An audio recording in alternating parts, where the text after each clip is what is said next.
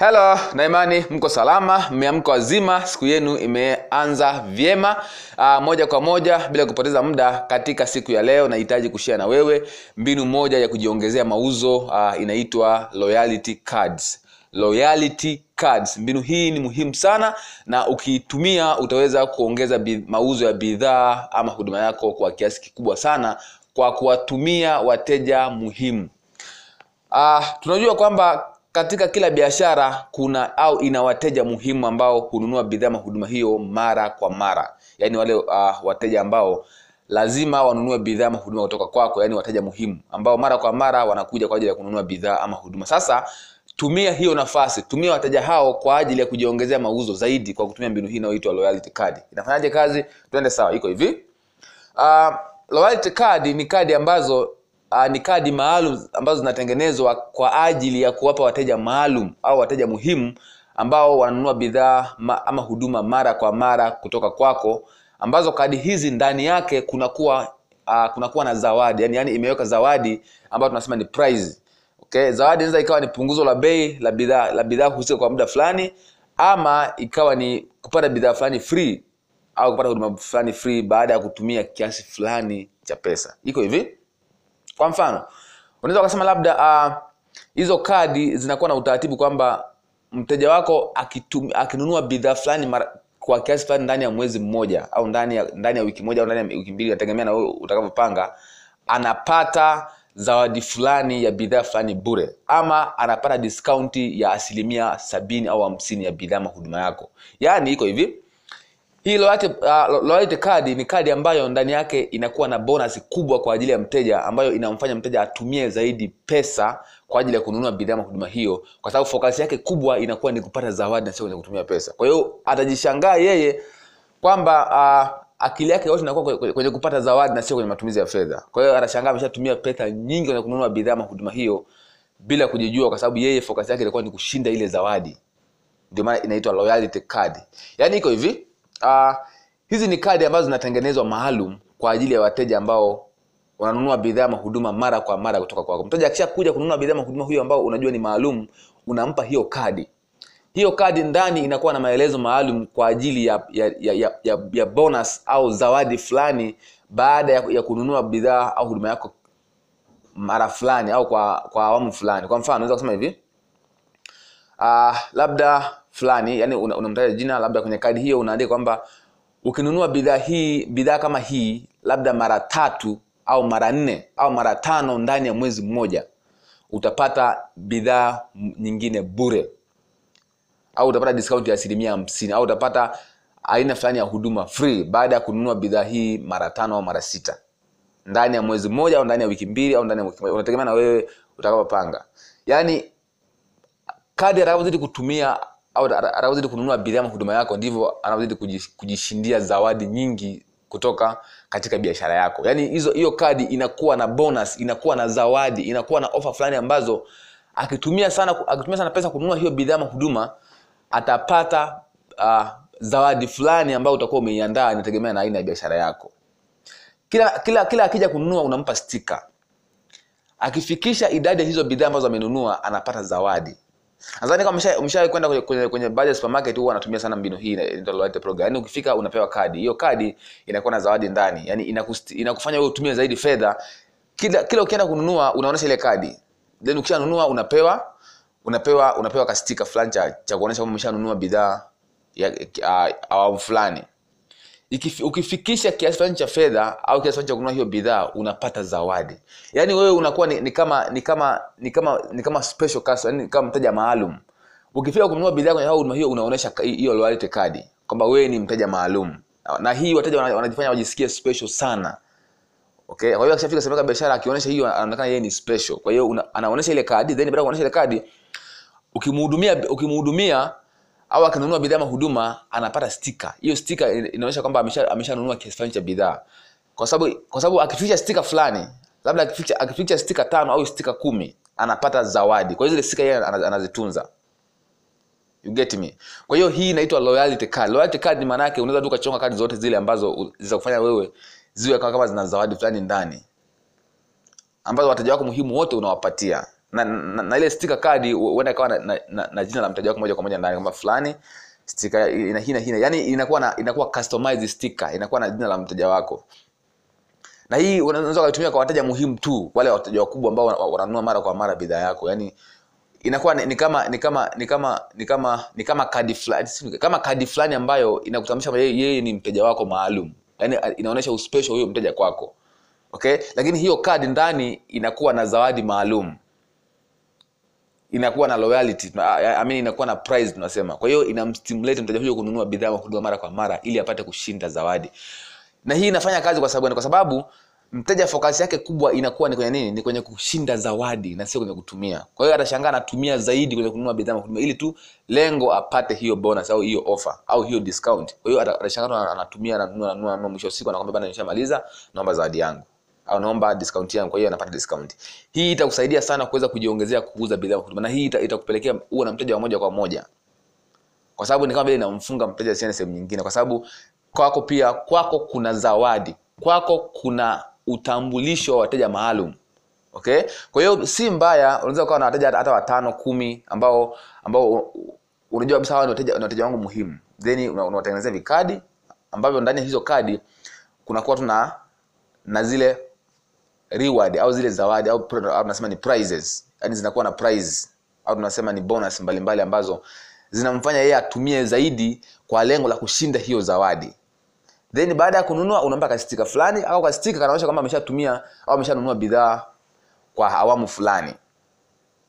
Okay? Then baada ya hapo akirudi mara ya pili au mara ya tatu mara ya nne mara ya tano akiwa na stika labda kama ulisema labda ukinunua bidhaa hii kwa mara tano mfululizo ndani ya wiki moja kila ile kununua unampa stika hiyo stika ya kwanza stika ya pili stika ya tatu. Akija mara ya mwisho na akanunua stika ya tano tayari inaonyesha kama ameshashinda zawadi kwa hiyo unampa zawadi yake. Na uwe mkweli. Na kama ni discount mpe discount. Okay? Mteja akija akinunua mara kumi au mara sita au mara saba mara tano ukimpa bidhaa fulani for free sio hasara. Okay? Kwa sababu utamfanya anunue tena bidhaa nyingine kama hiyo mara nyingi zaidi kwa hiyo hiyo itakusaidia kumfanya mteja afanye matumizi mengi zaidi. Na hii mbinu wanaitumia sana wenzetu sijajua hapa tanzania kidogo lakini baadhi zipo uh, zipo supermarket ambazo wana- wana- wanatumia mbinu hii na wanauza sana okay? Kwa hiyo ukitumia mbinu hii itakusaidia sana. Haijalishi unafanya biashara gani lazima utakuwa na wateja maalum ambao wananunua bidhaa mahuduma yako. Kwa hiyo tumia hawa wateja na hii ni mbinu mojawapo ya, ya kumfanya mteja akae katika biashara yako muda mrefu kwa sababu umeshaonyesha umuhimu wake yani umesha umesha umeshatambua mchango wake kwako. Na wateja wanapenda sana mtu ambaye anatambua ana, ana, uwepo wao okay? Kwa sababu kadi tayari ikiwa na, na, na, na, na jina la mteja wako tayari hiyo ni heshima toka kwa mteja wako. Ni heshima kwamba unamthamini na unajali mchango wake na vile vile umetambua kwamba yeye ni mteja wako maalum mteja wako special. Na hii ni muhimu sana guys tumia mbinu hii itakusaidia sana kujiongezea mauzo ya bidhaa na huduma. Haijalishi unauza kitu gani chochote inawezekana as long as bidhaa yako ina wateja. Okay? Na kila bidhaa ina aina fulani ya wateja ambao wapo mara kwa mara wananunua bidhaa ama huduma hiyo. Kwa hiyo wateja hao watumie vizuri hilo sija wakaondoka kwa kutumia hii loyalty card. Loyalty card tunaita loyalty cards. Loyalty cards ni mbinu ambayo ukitumia vizuri itakusaidia sana kujiongezea mauzo ya bidhaa. Kwa sababu mteja ana focus yake kubwa inakuwa ni kushinda zawadi na sio kwenye kutumia. Kwa hiyo ata- ata- atashangaa ameshatumia ameshafanya manunuzi ya bidhaa mara nyingi zaidi. Lengo lake yeye ni kushinda tu ile zawadi. Hata kama ni ndogo we mpe. As long as imeitwa zawadi mteja focus yake kubwa inakuwa ni kwenye zawadi. Kwa hiyo anajisikia vizuri anaposhinda ile zawadi. Na hii ipo kisaikolojia zaidi. Kwa hiyo mbinu njia rahisi ya kumfanya mtu atumie zaidi ni kumpa kazawadi yani ni kumpa prize ni kumpa uh, kaushindi fulani kwenye matumizi ya hayo bidhaa kwa huduma. Na ndio maana kuna baadhi ya matangazo wanasema tumia zaidi ushinde zaidi. Unadhani ni kwa nini? Ni kwa sababu hii wanatumia mbinu hii inayoitwa loyalty cards. Okay? Kwa hiyo tumia zaidi. Mfanye mteja wako atumie zaidi kwenye kununua bidhaa mahuduma yako ili ashinde kitu fulani. Ndio lengo la mbinu hii. Kadi anavyozidi kutumia ndivyo anazidi kujiongezea kushinda zawadi fulani. Ndio maana hata kwenye mitandao ya simu anakwambia tumia zaidi ushinde zaidi okay? Kadi labda ukinunua kifurushi kifurushi fulani mara nyingi ndivyo unaojishindia zaidi. Hiyo inaitwa inaitwa loyalty cards program. Okay? Inaitwa loyalty system au loyalty program. Ndio inavyofanya kazi hivyo. Kwa hiyo unamfanya mteja wako atumie zaidi ili apate zawadi ili ashinde zawadi fulani. Haijalishi ni zawadi gani. Unaweza tu ukapunguza bidhaa yako hata kwa asilimia ishirini au asilimia thelathini lakini as long as mteja wako amenunua bidhaa hiyo mara kumi mara saba au mara tano it's okay. Sio hasara ile you get me? Kwa hiyo tumia sana mbinu hii na itakusaidia sana kujiongezea mauzo ya bidhaa mahuduma i hope it is clear. Kama kuna swali basi mtauliza helo naimani mko salama, mmeamka wazima, siku yenu imeanza vyema. Uh, moja kwa moja bila kupoteza muda, katika siku ya leo nahitaji kushia na wewe mbinu moja ya kujiongezea mauzo uh, inaitwa loyalty cards. Loyalty cards. Mbinu hii ni muhimu sana na ukiitumia utaweza kuongeza mauzo ya bidhaa ama huduma yako kwa kiasi kikubwa sana kwa kuwatumia wateja muhimu. Uh, tunajua kwamba katika kila biashara kuna au ina wateja muhimu ambao hununua bidhaa ama huduma hiyo mara kwa mara, yaani wale uh, wateja ambao lazima wanunue bidhaa ama huduma kutoka kwako, yaani wateja muhimu ambao mara kwa mara wanakuja kwa ajili ya kununua bidhaa ama huduma. Sasa tumia hiyo nafasi, tumia wateja hao kwa ajili ya kujiongezea mauzo zaidi kwa kutumia mbinu hii inayoitwa loyalty card. Inafanyaje kazi? Twende sawa, iko hivi. Uh, loyalty card ni kadi ambazo uh, ni kadi maalum ambazo zinatengenezwa kwa ajili ya kuwapa wateja maalum au wateja muhimu ambao wananunua bidhaa ma, ama huduma mara kwa mara kutoka kwako ambazo kadi hizi ndani yake kunakuwa uh, kunakuwa na zawadi yani, yani imeweka zawadi ambayo tunasema ni prize okay zawadi inaweza ikawa ni punguzo la bei la bidhaa la bidhaa husika kwa muda fulani ama ikawa ni kupata bidhaa fulani free au kupata huduma fulani free baada ya kutumia kiasi fulani cha pesa. Iko hivi? Kwa mfano unaweza ukasema labda uh, hizo kadi zinakuwa na utaratibu kwamba mteja wako akitum, akinunua bidhaa fulani mara, kwa kiasi fulani ndani ya mwezi mmoja au ndani ya, ndani ya wiki moja au ndani ya wiki mbili nategemea na wewe utakavyopanga anapata zawadi fulani ya bidhaa fulani bure ama anapata diskaunti ya asilimia sabini au hamsini ya bidhaa ama huduma yako. Yaani iko hivi hii loyalty, uh, loyalty card ni kadi ambayo ndani yake inakuwa na bonus kubwa kwa ajili ya mteja ambayo inamfanya mteja atumie zaidi pesa kwa ajili ya kununua bidhaa ama huduma hiyo kwa sababu focus yake kubwa inakuwa ni kupata zawadi na sio kwenye kutumia pesa. Kwa hiyo atajishangaa yeye kwamba uh, akili yake yote inakuwa kwenye- kupata zawadi na sio kwenye matumizi ya fedha. Kwa hiyo anashangaa ameshatumia pesa nyingi kwenye kununua bidhaa ama huduma hiyo bila kujijua kwa sababu yeye focus yake ilikuwa ni kushinda ile zawadi. Ndio maana inaitwa loyalty card. Yaani iko hivi uh, hizi ni kadi ambazo zinatengenezwa maalum kwa ajili ya wateja ambao wananunua bidhaa na huduma mara kwa mara kutoka kwako. Mteja akishakuja kununua bidhaa na huduma hiyo ambao unajua ni maalum unampa hiyo kadi hiyo kadi ndani inakuwa na maelezo maalum kwa ajili ya, ya, ya, ya, ya, bonus au zawadi fulani baada ya, ya kununua bidhaa au huduma yako mara fulani au kwa kwa awamu fulani. Kwa mfano unaweza kusema hivi. Uh, labda fulani yani unamtaja una jina labda kwenye kadi hiyo unaandika kwamba ukinunua bidhaa hii bidhaa kama hii labda mara tatu au mara nne au mara tano ndani ya mwezi mmoja utapata bidhaa nyingine bure au utapata discount ya asilimia hamsini au utapata aina fulani ya huduma free baada ya kununua bidhaa hii mara tano au mara sita. Ndani ya mwezi mmoja au ndani ya wiki mbili au ndani ya wiki moja. Unategemea na wewe utakapopanga yaani kadi atakavyozidi kutumia au atakavyozidi kununua bidhaa ama huduma yako ndivyo anavyozidi kujishindia zawadi nyingi kutoka katika biashara yako. Yaani hizo hiyo kadi inakuwa na bonus inakuwa na zawadi inakuwa na ofa fulani ambazo akitumia sana akitumia sana pesa kununua hiyo bidhaa ama huduma atapata uh, zawadi fulani ambayo utakuwa umeiandaa inategemea na aina ya biashara yako. Kila kila kila akija kununua unampa stika. Akifikisha idadi ya hizo bidhaa ambazo amenunua anapata zawadi. Nadhani kama umesha- umeshawahi kwenda kwenye, kwenye, kwenye baadhi ya supermarket huwa anatumia sana mbinu hii inaitwa loyalty program. Yani ukifika unapewa kadi. Hiyo kadi inakuwa na zawadi ndani. Inakusti- inakufanya wewe utumie zaidi fedha. Kila kila ukienda kununua unaonesha ile kadi. Then ukishanunua unapewa unapewa unapewa kastika fulani cha, cha kuonyesha kwamba umeshanunua bidhaa awamu fulani. Ukifikisha kiasi fulani cha fedha au kiasi fulani cha kununua hiyo bidhaa unapata zawadi. Yaani wewe unakuwa ni, ni kama ni kama ni kama ni kama special customer, yani kama mteja maalum. Ukifika kununua bidhaa kwenye huduma hiyo unaonyesha hiyo loyalty card kwamba wewe ni mteja maalum. Na hii wateja wanajifanya wajisikie special sana okay? Kwa hiyo akishafika sehemu ya biashara akionyesha hiyo anaonekana yeye ni special. Kwa hiyo anaonyesha ile kadi then baada ya kuonyesha ile kadi ukimhudumia ukimhudumia au akinunua bidhaa ama huduma anapata stika hiyo stika inaonyesha kwamba amesha- ameshanunua kiasi fulani cha bidhaa. Kwa sababu kwa sababu akificha stika fulani labda akificha akificha stika tano au stika kumi anapata zawadi. Kwa hiyo zile stika yeye anazitunza. You get me? Kwa hiyo hii inaitwa loyalty card. Loyalty card ni maana yake unaweza tu ukachonga kadi zote zile ambazo za kufanya wewe ziwe kama kama zina zawadi fulani ndani ambazo wateja wako muhimu wote unawapatia. Na, na, na ile sticker kadi huenda ikawa na, na, na, na jina la mteja wako moja kwa moja ndani kama fulani sticker ina hina hina. Yani inakuwa na inakuwa customized sticker inakuwa na jina la mteja wako.